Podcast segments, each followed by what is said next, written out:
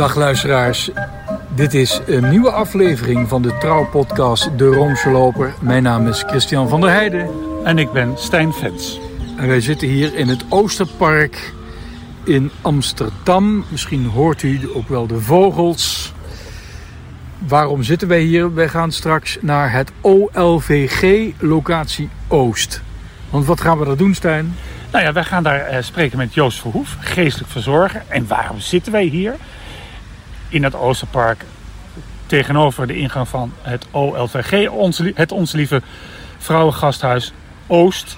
Vanwege het feit dat de Heilige Vader, op het moment dat wij dit uitspreken, en dat is woensdag 14 juli, 14 juillet. 14 juillet, nog altijd in het Gemelli ziekenhuis in Rome ligt. Het Gemelli ziekenhuis. Dat is een universitair eh, ziekenhuis, genoemd naar de beroemde Franciscaan. Uh, heette niet Augustino, Agostino Gemelli. Het was een arts, een psychotherapeut ook. En uh, dat is verbonden aan een universiteit, en de Katholieke Universiteit van het Heilig Hart in Milaan. Hè? Ja, en het is vooral het vaste ziekenhuis van de pausen in, in het recente verleden. Wij hebben daar zelf gestaan uh, toen Johannes Paulus II in 2005. in 2005 de eerste of de tweede keer in het ziekenhuis lag. Hij heeft toen twee keer in het ziekenhuis gelegen. Dan kijk je naar een ziekenhuis. je kijkt naar een verdieping. Uh, het is de, de zoveelste verdieping, want de paus heeft daar een eigen vleugel. Hè, met een zitkamer, een kapel, zekere privacy en een balkon van waar hij de gelovigen op zondag Ja. kan groeten. Het werd ook genoemd het derde Vaticaan. Dus het eerste is gewoon Vaticaanstad, het tweede Castel Gandolfo. Toen nog eh, zomerverblijf van de pausen. En, eh, ja, en ook eh, Paus Franciscus heeft een Angelus toespraak gehouden. Eh, dat, was toch wel bijzonder. Want waarom ligt hij in het ziekenhuis? Volgens een persbericht van de, de Vaticaanse perschef Matteo Bruni. ik lees het maar even voor. Een, een tekst van vorige week. Het uiteindelijke histologisch onderzoek bevestigde ernstige diverticulaire stenose met tekenen van scleroserende diverticulitis. Stijn, wat Ja. is dat? Nou ja, ik, ik ben ook geen arts. Maar, Eh. maar, maar als je Vaticanist bent, Ja. dan ben je of bijna een eh, misdaadjournalist en ook een beetje medisch journalist, want pausen worden ziek. Wat wij allemaal niet hebben opgeschreven in de tijd over, over eh, Paus Johannes Paulus II, wat hij allemaal mankeerde. Maar dit zou iets aan zijn. dikke darm. Hè? Dus het, het, het, het vernauwing in het, in, het, in het kanaal van de dikke darm. Zeg ik het zo een beetje goed? Ja, en, en eh, eh, het, eh, het neigde naar een diverticulitis. Dat zijn dus uitsteeksels, divertikels. En die zouden ook scleroserend zijn. Dat wil zeggen dat die zich echt verharden en daarbij ontstoken dreigden te raken. En dat levert ontzettend veel pijn op. En daar is de Heilige Vader dus aan eh, geholpen. Nou, daar moeten we toch wel het volgende over zeggen. Want eh, we gaan even terug naar zondag 4 juli. Toen rond uur of twee, half drie, rond die, in die, rond die tijd, kwam er plotseling eh, breaking news uit het Vaticaan. Want de paus zou diezelfde dag nog naar het Gemelli ziekenhuis gaan voor, let wel, een geplande operatie aan de dikke darm. Nou, eh, ik weet niet hoe het met jou is, maar als je, eh, als je zo'n bericht krijgt, paus naar het ziekenhuis, dan gaan alle alarmbellen van een Vaticaankenner op rood. Ik, eh, ik zag de wekelijkse vlog van John Allen, onze collega van Crooks. En eh, hij is ook wel eens op CNN. Die had op dat moment zijn huis vol met 20 collega Vaticaankenners vanwege de 4th of July. Hij liep rond met hamburgers en andere heerlijke heerlijkheden. En eh, zoals we vertellen, binnen de kortste keren veranderde zijn Romeinse appartement in een Vaticaanse persruimte. Want al die journalisten moesten aan de gang en waren even later weer weg om aan het werk te gaan. En toen kwamen gelukkig andere mensen om die, om die hamburgers op te eten. Het geeft me aan op het moment dat alles wat met paus en gezondheid en zekerheid, zeker een ziekenhuisopname te maken heeft, dat is big news. Ja, ik, ik mo- mocht eindelijk weer eens na anderhalf jaar een kroeg in waar een pubquiz eh, werd gehouden. Toen zei een pubquizmaatje van me, heb je het al gehoord? De paus zegt in het ziekenhuis. Ik denk, oh god, daar gaan we. Hè? Ja. Dus ik denk, ik zit diezelfde avond nog in Rome. En eh, dus ik, ik, eh, ik schrok daar wel van. Ik schrok trouwens helemaal van een tweet eh, die zei van ja, over enkele uren dan gaat de paus uh, aftreden. Maar dat was een, een, een vertaalfout. hij zou, er was sprake over dat hij ontslagen zou worden uit het ziekenhuis. En dat was verkeerd vertaald als aftreden. Nou ja, die paus is diezelfde middag, op begin van de avond, dat weten we niet precies is hij geopereerd. Nou, dat, vervolgens zijn er de hele week bijna elke dag updates gekomen van de Vaticaanse persdienst. Niet van zijn arts, zijn behandelend arts, wat eigenlijk heel vreemd is. Even een vergelijking die John Allen ook vaak maakt. Als het hier om de POTUS zou gaan, de Amerikaanse president, zou er elke dag een update zijn van niet, één, niet twee, maar drie artsen. Die precies, van de behandelende arts, die precies zou zeggen wat er is geopereerd, wie erbij aanwezig was, hoe lang de operatie heeft geduurd en hoe het met het herstel gaat. Hier moeten we het doen met ja, de informatie van uh, uh, de Vaticaanse persdienst en de, de, de artsen het Van de Gemelli ziekenhuis blijven buiten beschouwing. Maar goed, als we de berichten van het Vaticaan mogen geloven, gaat het goed met zijn herstel. Er, op een gegeven moment kwamen er ook foto's. We zagen de paus in een rolstoel. Hij ontmoette andere patiënten. Hij is dus ook nog naar de oncologische afdeling gegaan. Ja. Heeft daar kinderen ontmoet. Maar as we speak, het is vandaag 14 juli. We zijn, de paus ligt inmiddels 10 dagen in het ziekenhuis.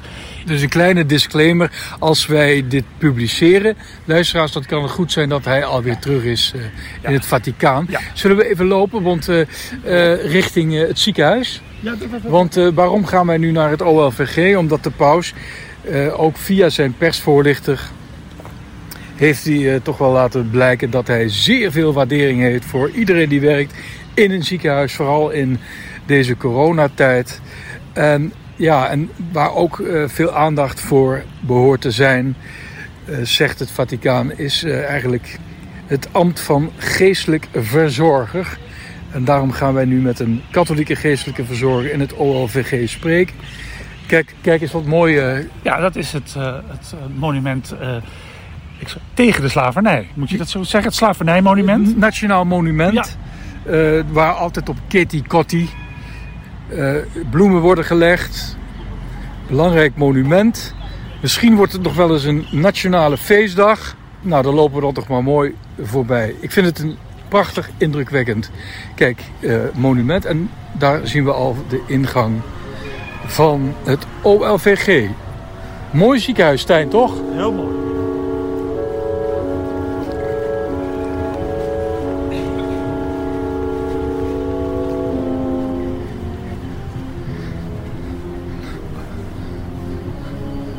Ja, wacht even. Oh, wacht. De tram die komt eraan. Even wachten, staan.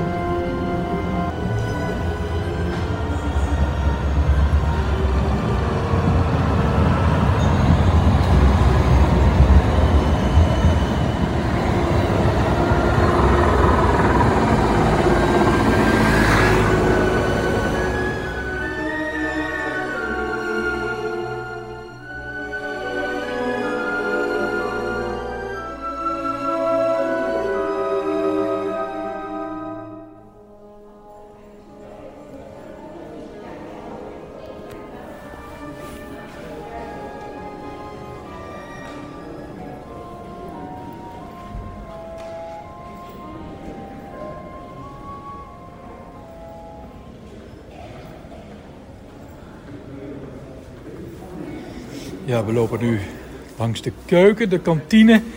En dan komen we zo het heilige der heiligen binnen. Kijk, hierboven staat ook Stijn, zie je dat? Geestelijke verzorging. Geestelijke verzorging. En onze lieve vrouw. En onze lieve... Kijk, dat staat er nog wel. Onze lieve vrouw. Kijk, daar hebben we Joost. Dag Joost. Goedemorgen. Joost Verhoef, dames en heren. Geestelijk verzorger de OLVG. Dankjewel dat we hier uh, mogen komen. Ik zie trouwens meteen daar een uh, bekend portret aan de linkerzijde. Is dat uh, Carolus Borromeus toevallig? Dat is hem inderdaad, maar je bent wel een van de hele weinigen die uh, hem uh, als zodanig herkent. Het is een, een overblijfsel van het oude ziekenhuis. Hè? Dus, dat waren de liefdezusters van Carolus Borromeus. De zusters onder de boog uit Maastricht die hier in Amsterdam decennia lang de zorg verzorgd hebben. En dit was hun voorbeeld, hun heilige. Dus het Onze Lieve Vrouwen gasthuis was een gasthuis van de zusters uit Maastricht? Ja, ja. Er was eerst de naam van het Ons Lieve Vrouwen Gasthuis... en daarvoor heette het Rooms-Katholieke Ziekenverpleging. En de stichting die dat heeft uh, gedaan in eind 19e eeuw... die heeft uh, de, daar zusters bij gezocht. En die kwamen toen uit in uh, Maastricht. En eh, eh, de zuster zeiden, we willen wel komen, maar dan eh, moeten jullie in Amsterdam eerst een klooster bouwen en een kapel bouwen. Dat dat voor elkaar is. En daaromheen bouw je maar lekker het eh, gasthuis. En dat hebben ze inderdaad gedaan. Dus midden op het terrein stond toen de kapel, het klooster. En daaromheen de paviljoens van het oude Onze Lieve Vrouwen gasthuis. OLVG. En moet je kijken waar we nu zijn. Dat is toch allemaal, kijk, dan zeggen ze wel eens die kerk en die religieuze. Maar we doen het wel met hun infrastructuur. Ja, dat klopt. En eh, ze hebben eh, denk ik ook in de infrastructuur van het geheugen van deze instelling meer achtergelaten dan ze misschien zelf eh, nog, eh, nog zouden denken. Ja. Eh, de sfeer die hier heerst, de zorg die hier is voor, voor eh, de patiënten, voor alle Amsterdammers met alle soorten en kleuren die we hier hebben. eh, daar hebben ze heel veel aan bijgedragen. Stijn, wat valt jou op? Nou, maar mij valt op dat hier ook een... Stijn heeft zijn mondkapje op. Ja, moet ik dat zelf doen? Nou, ik blijf even op anderhalve meter. Zo, ik heb een lange microfoon. Ik zie een pieta. Ja. Hè, dus eh, Maria met gestorven Jezus. En dan staat eronder, als jij ietsje opschuift... en ziet of er een smart is gelijk aan mijn smart. Vind ik prachtig. Hè? Prachtig. Heel mooi. En dan lopen we even door. Het is een soort tuin. Het is een soort tuin. En eh, het is, ik vind het prachtig aangelegd. Tegelijk, je komt uit het drukke ziekenhuis, die, die hal. En dan valt hier toch een zekere rust, een geestelijke rust over. Nou, dan lopen we door. Prachtige tuin. En Joost, wat zie ik daar nou? Dat is een soort boog met namen. Ja, dat is een eh, monument dat eh, gemaakt is in 2011.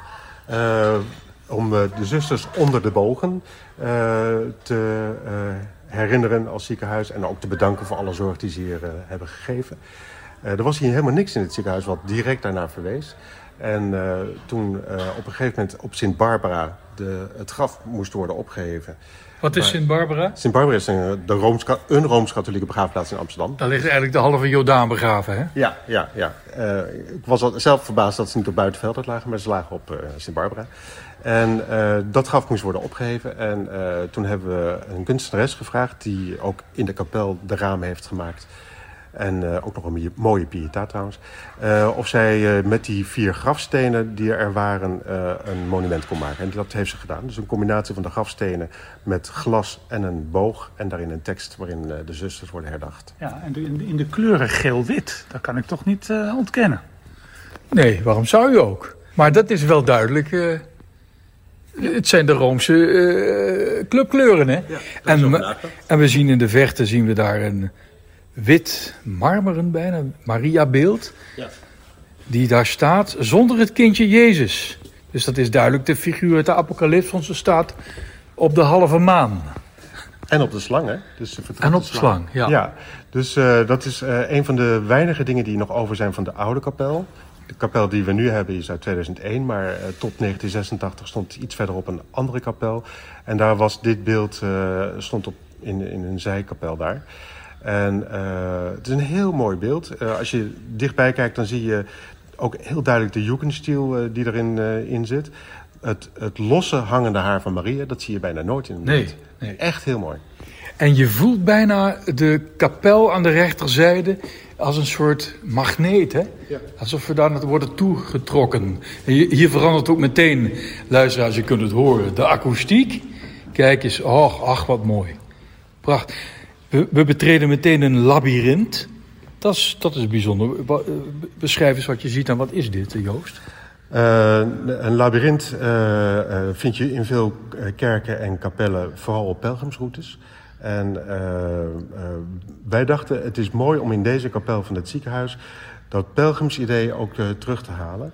Waarbij eh, het labyrint eigenlijk een symbool is van de levensweg.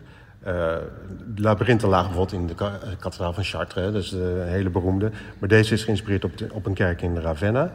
Eh, en eh, die willen iets uitdrukken van eh, hoe je levensweg in elkaar zit. En dat zie je ook. Hè. Als je hem hier afloopt, je komt vrij snel bijna tot de kern. Maar dan beginnen de grote omzwervingen. Dus als je hem helemaal afloopt, dan ben je echt overal geweest. Totdat je uiteindelijk in het hart uitkomt. Nou, dat vonden wij een mooi beeld, juist hier in dit ziekenhuis. Waarbij mensen toch op een bepaalde manier bezig zijn met... waar ben ik in mijn levensweg? En eh, waar leidt het allemaal toe? Dus eh, vandaar. Stijn, wat een verrukkelijke akoestiek hier. Hè? Je zou gewoon spontaan Gregoriaans van zingen. Ja, maar dat kan Doe ik niet uit mijn hoofd. Ah, Ik- doe eens, joh. Nee, maar ik kan, ik kan wel een ander liedje zingen.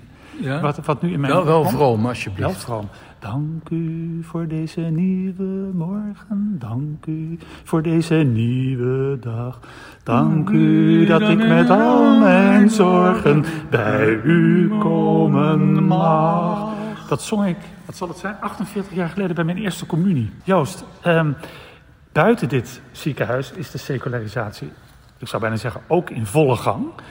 Eh, merk jij nou dat de vraag naar een rooms-katholieke geestelijk verzorger afneemt? Of misschien is het zo dat als er aan je lijf gerommeld wordt of eh, kwesties van leven en dood aan de orde zijn, dat mensen dan toch weer teruggrijpen naar dat oude geloof? Ehm, mensen zijn dan bezig met de vragen die daarbij horen. En voor sommigen betekent dat ze dan teruggrijpen naar het oude geloof. Maar voor heel veel mensen is dat wel ver weg hoor. Dat, eh, dat merken wij in de dagelijkse praktijk eh, wel. Eh, maar daarmee zijn de vragen niet weg. Dat merken we ook. Dus er wordt veel een beroep op ons gedaan. En er wordt veel gevraagd van, goh, ga eens praten. En hoe die gesprekken dan lopen, dat is iedere keer weer een avontuur. Eh, maar dat kan je in de aanvraag zelf eh, meestal niet, eh, niet weten. Dat is echt iets wat je gaandeweg moet ontdekken. Maar stel nou, ik lig hier, Go- God verhoede het, en het is zondag en ik wil de communie ontvangen. Kan dat hier? Eh, dat, nou, voor corona was dat helemaal gebruikelijk, want dan hadden je ook gewoon kerkdiensten. We hopen dat binnenkort ook weer op te kunnen pakken. Eh, maar als mensen sowieso, of dat nou door de week of in het weekend is, eh, de behoefte hebben om de communie te ontvangen, dan kan dat. Ja. Maar dat gebeurt niet zoveel meer. Dat, eh, dat was zeg maar 15, 20 jaar geleden was dat veel gebruikelijker nog dan, dan dat nu is. Ja. Ik zeg dat omdat, dat, kijk, deze, dit hele ziekenhuis doet me denken aan mijn vader. Die is hier overleden op, eh, in de nacht van 14 op 15 juni 2008. Althans, hij is op 14 juni overleden, om kwart voor twaalf. En dan een half uur later, toen was het al 15 juni, is de dood vastgesteld. En die heeft hier dus ehm, de commune ontvangen. Er kwam de pastoor van de Krijtberg, Thiert Jansen, kwam met de, met de fiets, met de hostie om die aan mijn vader uit te reiken. En eh, voor mij is dit best wel eigenlijk in die zin een emotioneel bezoek. Omdat ik hem hier voor het laatst heb bezocht en voor het laatst heb gezien. Jij bent sindsdien nooit meer hier geweest. sindsdien nog nooit meer geweest. En het aardige is, en volgens mij Joost, heb jij hem toen, toen hij hier lag, hij heeft hier geloof ik een week of vier gelegen, nog, of bij een eerdere opname, dat weet ik eigenlijk niet, deze kapel laten zien, toch? Eh, nee, dat denk ik niet. Nee. Nee, ik, ik heb hem wel gezien in die periode, maar volgens mij was een collega van mij die heeft hem eh, toen de kapel laten zien. En hij zag hem ook van boven liggen, hè, want hij lag op de, de achtste verdieping. En hij beschrijft dan ook ergens in een artikel hoe hij uit het raam kijkt en dan eh, beneden dat kapelletje ziet liggen. Even voor de luisteraars die niet weten wie de vader van eh, Stijn is. Dat is Kees Vens, de grote literatuurcriticus. En misschien ook wel aardig om te zeggen dat niet veel later Jan Blokker, eh, ook een, eh, kan maar zeggen, een corrivee van de Volkskrant en een vriend van mijn vader, in precies dezelfde kamer heeft gelegen. Maar ik denk niet dat hij de hostie, om de hostie Nee, die was eigenlijk wel anti-katholiek. Joost, we gaan even naar het altaar. Ja. Dat, eh, dat is echt een heel klassiek, bijna antiek altaar. Met een vormgeving die mij een beetje doet denken aan een abdij in het zuiden van Nederland. Heb ik het eh, mis? Nee, ik denk dat je dat eh, heel goed eh, waargenomen hebt. Veel van wat je hier ziet aan wat, wat, wat steen is, is geïnspireerd op de abdij in Vaals. En is ook gemaakt door broeder Leo. Die heeft eh, het, eh, het, altaar ontworpen en het kruis ook opgemaakt. Die, die zetel daarachter heeft hij het kruis gemaakt. Hij heeft eh, de, het stenen naambord gemaakt van het ziekenhuis, of van de kapel. En hij heeft het kruis wat bovenop de kapel staat, heeft hij gemaakt. Dus hij is belangrijk geweest in de vormgeving van hoe deze kapel uiteindelijk uit is komen te zien. Het is, het is zo prachtig, want je ziet hier echt een klassieke apsis. Dat wil dus zeggen dat de zetel van de hoofdcelebrant, hè, die staat dus tegen de apsis aan. En daaromheen eigenlijk een ronde zitbank, wat men vroeger noemde het presbyterium. Waar ons woord priesterkoor vandaan komt. Ah, en dan links zijn dat de heilige olieën. Ja, we dachten dat het eh, zeker in een ziekenhuiskapel wel heel erg eh, eh, mooi zou zijn als de oliën die in een mensenleven gebruikt worden, bij doop, bij ziekenzalving, en nou ja, bij het vormsel, dat is natuurlijk iets minder aan de orde hier. Maar dat in ieder geval die oliën ook zichtbaar zouden zijn. Dus die hebben we een mooie plek gegeven in de kapel.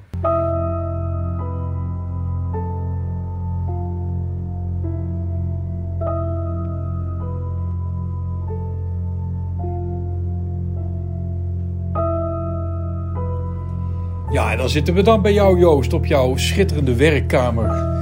Op het OLVG locatie Oost. We hebben tegenwoordig drie locaties OLVG. Aan het mooie Oosterpark. En ik kijk en ik zie allemaal attributen die met Paus Franciscus te maken hebben. Wat dacht jij toen, uh, toen je die zondagavond 4 juli hoorde dat de Heilige Vader was opgenomen in het ziekenhuis? Nou, ik schrok er wel behoorlijk van, eerlijk gezegd. Uh, het was een uh, opname die op zondagavond uh, zou plaatsvinden, of de operatie zou zondagavond zijn. Dat is nou niet de meest gebruikelijke tijd om een operatie te doen.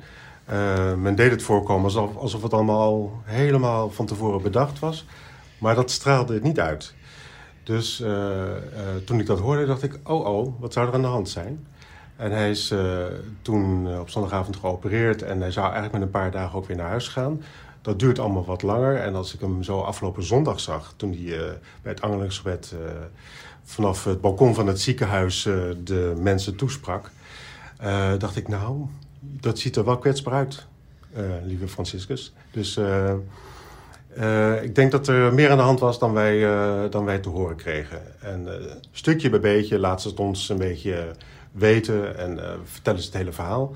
Maar ehm, helemaal onschuldig was het allemaal niet. Jij bent geestelijk verzorger uh, in een ziekenhuis. Dat is binnen jouw sector eigenlijk. Uh, jullie staan eigenlijk bovenaan in de pikorde. Hè? Dus je hebt in de ziekenhuiswereld de hartchirurgen, die zijn eigenlijk die regeren. En de ziekenhuispastoren die regeren over de, de, zeg maar de lagere goden. Uh, is dat trouwens zo wat ik nu zeg, of is dat gelul? Dat is denk ik voor een groot gedeelte niet, niet helemaal waar. Uh, maar ik snap wel dat het in de beeldvorming zo, zo werkt. Ja. Uh, um, want het ziekenhuis is uh, natuurlijk ook, gewoon als je naar de hele zorg kijkt, staat bovenaan. En dan heb je binnen de ziekenhuizen weer de academische ziekenhuizen. Dat is helemaal top of the bill. maar binnen de geestelijke verzorging, er zijn natuurlijk juist heel veel verpleeghuisconglomeraten waar ook grote teams van geestverzorgers werken... die daar op een hele inventieve manier ook bezig zijn. Dus uh, alleen al daarom zou ik zeggen... Uh, die verdienen ook een belangrijke plaats onder de zon. Um, uh, maar ja, af, af, en toe merk ik wel dat er zo wel tegen aangekeken wordt. Ik ja. vind het zelf niet terecht, maar... nou, we hebben het over de operatie van, van de paus gehad. Spreek jij veel met mensen die geopereerd zijn voor of na hun operatie? Dat uh, hangt er een beetje vanaf. Eigenlijk het meeste na een operatie, omdat als ze hier worden opgenomen, is eigenlijk vrij kort voordat het uh, plaatsvindt, uh, worden opgenomen. En dan is er nauwelijks tijd en gelegenheid om nog iets te bespreken. en na de operatie in heel veel gevallen ook niet, want dan zijn ze ook heel snel weer weg. Dus we spreken eigenlijk het meeste met de mensen waarbij de operatie niet helemaal goed gegaan is. Uh, of waarbij er complicaties waren, of waarbij er toch uh, andere dingen aan de orde waren, waardoor ze langer hier moesten blijven. Uh, dus dat is een uh, belangrijk aandeel van de, de, patiënten die we hebben. En daarnaast veel patiënten die helemaal niet voor een operatie hier komen, maar voor onderzoek of wat ook uh, hier zijn. Ja. Dus mensen voor een operatie, zeker geplande operaties, spreken dat komt nauwelijks voor. Ja, mooi van deze pauze dat hij ook zich meteen solidair verklaart met iedereen die zorg nodig heeft. Ook met kinderen die hij heeft bezocht. Dus dat is ook een van de redenen waarom dat we bij jou zijn om ook uh, ja, het, het, het, ziekenhuiswezen als zodanig een keer uh, centraal te stellen, maar ook de zorg, de geestelijke zorg. Dat dat nog bestaat in Nederland. Ja, er zijn uh, dagen dat ik op mijn werk kom en dat ik daar zelf ook verbaasd over ben. Ja. ja. maar tegelijkertijd, we vierden twee weken geleden tegelijk met zijn zilveren jubileum ook het afscheid van een collega van me, een katholieke collega. En um, daar was een mooie bijeenkomst waarbij uh, onder andere de voorzitter van de Raad van Bestuur sprak. En uh, hij uh, sprak over ons als geestverzorging als de ziel van de organisatie, de ziel van het ziekenhuis. Oh, dat is mooi. Dat is heel mooi. Ja. Ik vond het ook een beetje overdreven, maar ik vond het ook mooi. Hoe, hoeveel geestelijke verzorgers zijn hier en van welke denominatie? Wij hebben op dit moment zes geestelijke verzorgers. Binnenkort zijn het er vijf. Vorige maand hadden we er nog zeven, dus het, is, het gaat in een rap tempo. Uh, maar die vijf, dat, die, die, die blijven als het goed is. Uh, en, en, verdeeld over alle drie de locaties van het OLVG? Uh, ja, de Spuistraat is een locatie waar we als geestverzorging niet zo heel veel komen, omdat dat veel polyklinisch werk is. Maar locatie Oost en West, daarover is het verdeeld. En ook qua denominaties is het verdeeld over katholiek, protestant en islamitisch. En algemeen. We hebben ook een algemene geestverzorger. Zeg jij ooit in plaats van OLVG gewoon onze lieve vrouwen gasthuis? Of is dat heel taboe om dat zo uit te spreken? Uh, we worden geacht te spreken over OLVG, zelfs zonder lidwoord ervoor. Dus ik heb heel lang uh, een beetje uit protest daar nog het voor gezegd. Uh, maar ik merk dat dat net als bij een woord als IKEA, dan, dan op een gegeven moment ben je het zelf ook kwijt. maar ik denk het altijd nog wel, onze lieve vrouwen gasthuis. Ja. Joost, waarom geestelijke zorg? Waarom heet dat zo? Je bent een geestelijk verzorger. Waarom die term? Het is ieder geval een term die bij veel mensen tot verwarring leidt. Dat merk ik uh, vaak in het dagelijkse werk. Uh, maar uh, het is een beetje een compromisterm uh, geworden toen humanisten zich aansloten bij wat katholiek en protestants pastoraat was in de ziekenhuizen en zorginstellingen. En dat pastorale moest er een beetje uit. Maar we zaten toch ook op het terrein van het geestelijke. Dus ja, toen is men uitgekomen op geestelijke verzorging. Uh, Wat geestelijk, je hebt ook de geestelijke gezondheidszorg, de GGZ. En dat is weer psychisch. Ja, ik was gisteren bij een patiënt en die zei... Oh, u, u, bent dus geen psycholoog? Ja. Nee, dat ben ik niet. Dus uitgelegd wat ik, wat ik wel was. En dat was ook prima, maar het is wel verwarrend. Ja. En hoe zeg jij bijvoorbeeld in de Angelsaksische wereld wat jouw beroep is? Chaplaincy. Chaplain. Chaplain, ja. Chaplain. Ja. Kapelaan eigenlijk. Ja, maar dat is wel de, de algemene term in de Engelstalige wereld. Ja, oké. We gebruiken ook wel spiritual care, uh, maar uh, als beroep is het chaplain.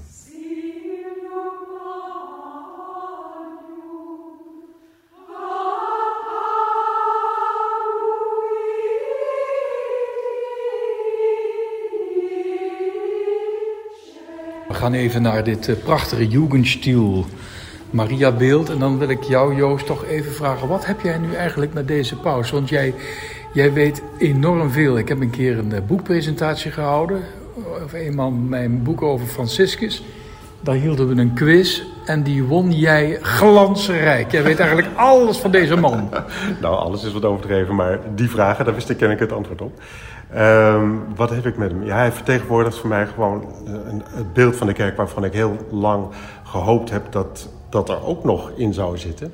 Um, en uh, ja, voor mij waren de jaren van Johannes Paulus II en Benedictus niet altijd één grote vreugde.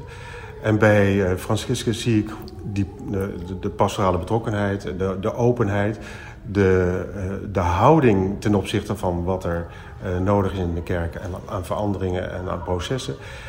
Waar ik wat mij vertrouwen gaf en geeft. Dus uh, hij vertegenwoordigt mij een enorme hoop, ook voor de kerk. Ook al zie ik tegelijkertijd ook wel alle problemen die er nog steeds zijn. En misschien nog wel in versterkte mate. Uh, en ik zie ook wel dat hij heeft ook zijn, zijn, zijn makken. Maar goed, die hebben we allemaal, die heb ik ook. ja. Dus, uh, ik zie trouwens, jij bent een zeer druk bezet man. Jij moet naar een vergadering. Ik zie dat je bezoeker al is. Mag ik jou hartelijk danken. Is er nog een laatste boodschap die Stijn en mij wilt meegeven en daarmee ook de luisteraars? Uh, nou, misschien is de belangrijkste boodschap deze kapel hier bij het, uh, bij het ziekenhuis. Uh, hij staat altijd open voor alle mensen die hier op bezoek zijn of die even gewoon een moment van stilte en rust zoeken. Er zijn er niet zo heel veel plekken in Amsterdam waar je dat zou kunnen.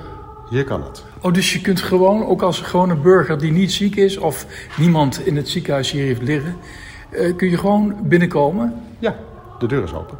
Fantastisch. Dankjewel Joost.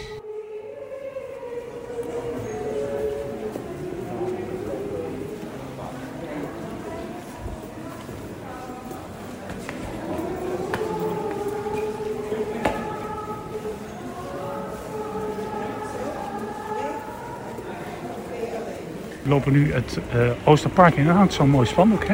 Lief zorgpersoneel bedankt. Nou, dat zou ik ook even doen. Met een mooi hartje. Met een mooi hartje. Twee van die grote rode hartjes. Nou, dat was, uh, dat was mooi, hè? Ja, dat was uh, prachtig en ook wel beetje emotioneel voor mij. Om, vanwege het feit dat mijn vader daar dus Ja, dat zei is ja, overleden. Ja. ja. Nou, en eh, de geestelijke verzorger heeft, eh, dat ambt daarvan heeft zich behoorlijk op de kaart gezet. De, de prachtige verhalen over geestelijke verzorgers die dan van artsen te horen krijgen. Ja, deze persoon die gaat sterven, ga jij er maar bij zitten. In een, helemaal ingepakt, een IC. Nog even over de paus. Ja, kijk, we moeten toch denk ik nog even iets zeggen over eh, de Vaticaanse perswoordvoering in het geval de Heilige Vader ziek wordt. Eh, want dat is in het verleden nog wel eens misgegaan. Hè. Een beroemd voorbeeld is begin van de 20e eeuw. Pius X eh maakte het niet goed. Een eh, journalist schreef dat op. Die kreeg vervolgens eh, in de Osservatore Romano, de krant van het Vaticaan, volledig onderuit de zak. En een dag later, of niet veel later, was Pius X overleden. Paulus VI, die zou verkouden zijn op 6 augustus 1978, was ook niet veel later terug naar zijn schepper. En wij hebben zelf natuurlijk de ziekte meegemaakt, het ziekteproces van Johannes Paus II. Die heeft daar op een gegeven moment in het Gemelli ziekenhuis een tracheotomie meegemaakt. Dan wordt er, zal maar zeggen, via een klein sneetje in de Keel. keel wordt een buisje geplaatst. Eh, en wat gebeurde er? Niet veel later kregen we te horen dat hij niet alleen yoghurt had gegeten, maar ook een aantal koekjes. En ik kan me goed herinneren dat ik een, een, eh, een, eh, een KNO-arts zag op de Italiaanse televisie die zijn verbazing uitsprak. Want zegt wat we vooral niet moeten hebben, is dat de Heilige Vader koekjes gaat eten met zo'n buisje in zijn keel. Ja. Eh, dat roept de vraag op, eh, hoe, in hoeverre kunnen wij de, de woordvoering van het Vaticaan op dit moment vertrouwen? Worden wij wel met de waarheid overladen? Ja, ja, ik denk dat bij deze paus het allemaal wel waar is. Nou ja, kijk, ik zou willen zeggen eh, dat, eh, kijk, er wordt niet meer gelogen. Maar of we de hele waarheid horen, is ook de vraag. Want er blijft natuurlijk Wat is waarheid? Ja, wat is waarheid, wat is waarheid? Maar het blijft raar. Kijk, we hebben eh, in het verleden, toen Johannes Paus II, die, die, werd, die werd regelmatig opgenomen in het Gemelli. En dan zei hij altijd op zondagochtend, be- minder gelovigen, ik ga vanmiddag naar het Gemelli ziekenhuis. Daar word ik geopereerd, of weet ik veel. En bid voor mij. Eh, de paus wist op het moment, paus Franciscus, dat hij op 4 juli het Angelus uitsprak, dat hij dat, dat was een geplande aan- ik neem aan dat hij toen al wist dat hij diezelfde middag naar het ziekenhuis zou gaan. De vraag is, een hele eenvoudige vraag. Als ze het al wisten, het Vaticaan, waarom hebben ze het ons niet gewoon gezegd van tevoren? En dus ik denk dat, Nou, daar heb jij vast wel een idee over. nou ja, het idee zou kunnen zijn dat deze paus eigenlijk vindt dat zijn gezondheidstoestand geen onderwerp van gesprek moet zijn. Dat zit een beetje in hem. Misschien heeft dat met zijn jezuïtische achtergrond te maken. Maar hij heeft ook zoiets van, kijk, er zijn over de, wereld heel veel zieken. Daar worden ook geen bulletins voor uitgegeven. Dus ik ben niet meer dan een gewone zieke. Hoe zeer ik de Heilige Vader ook hoog dat is het niet waar. We hebben het hier over de, de leider van de Rooms-Katholieke Kerk.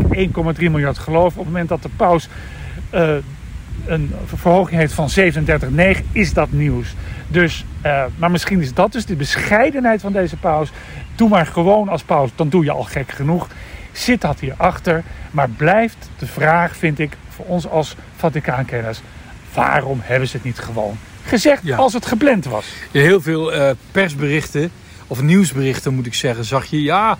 En diezelfde middag had de paus nog gevraagd aan de mensen op het Sint-Pietersplein tijdens het Angelusgebed om voor hem te bidden. Maar dat doet hij altijd, hè? Ja, hij- en volgens mij zei hij nu is een speciaal gebed. Dus, achter, dus achteraf gezien hadden we kunnen denken, hé, hey, want hij zegt altijd, eh eh, bon pranzo, hè, aan het einde van het engagement, e non dimenticare di pregare me. Dus eet smakelijk en vergeet niet voor mij te bidden. En dan zwaait hij even en dan gaat Ja. hij weg. Dus wie weet heeft hij een kleine hint gegeven, maar, maar dan nog eh, blijven er toch altijd vragen over. Maar misschien zit dat toch wel Ik, ken iemand die, die eh, behoorlijk katholiek is en die zegt steeds: "Goh, waarom vraagt hij toch altijd voor hem te bidden? Is dat niet egoïstisch? En ik denk dat hij niet zozeer vraagt om te bidden voor hem als Jorge Bergoglio. eh, dat, hij, eh, dat hij maar geen pijn mag lijden of zo. Maar dat hij, dat hij eigenlijk vraagt om geestelijke bescherming Ja. tegen de kwade geesten. ja. Want eh, als er een Satan bestaat, dan heeft hij natuurlijk gemunt op eh, de bisschop van Rome. Ja, en op zijn dikke darm. ja, maar misschien, dus, dus moeten we ons vasthouden aan, ook voor, want deze paus is 84, uh, op leeftijd. Zal misschien nog wel eens wat krijgen. Misschien moeten we ons vasthouden aan het, het aloude adagium, zoals dat heel lang gegolden heeft in het Vaticaan. Het gaat goed met de paus. Het gaat goed met de gezondheid van de paus, zelfs als hij al overleden is.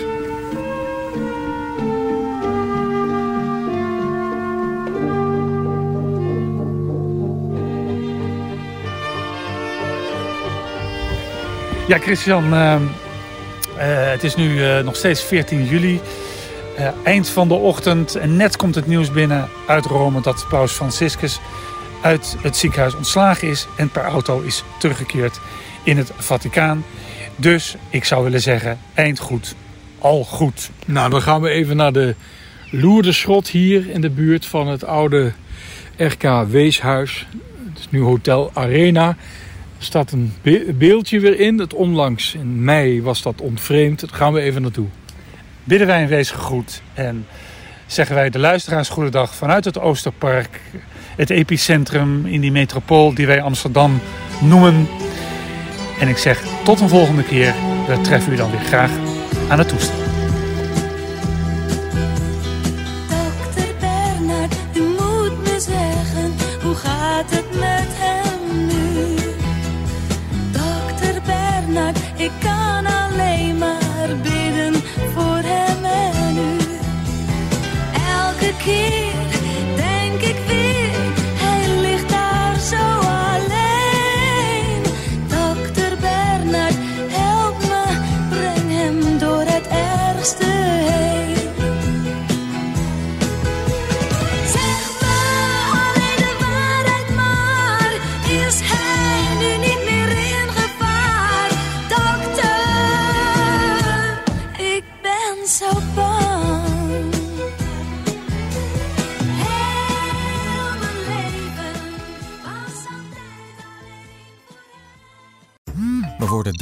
overladen met overbodige informatie. En het is moeilijk de zin van de onzin te scheiden. Daarom vertrouw ik op echte journalisten in plaats van meningen.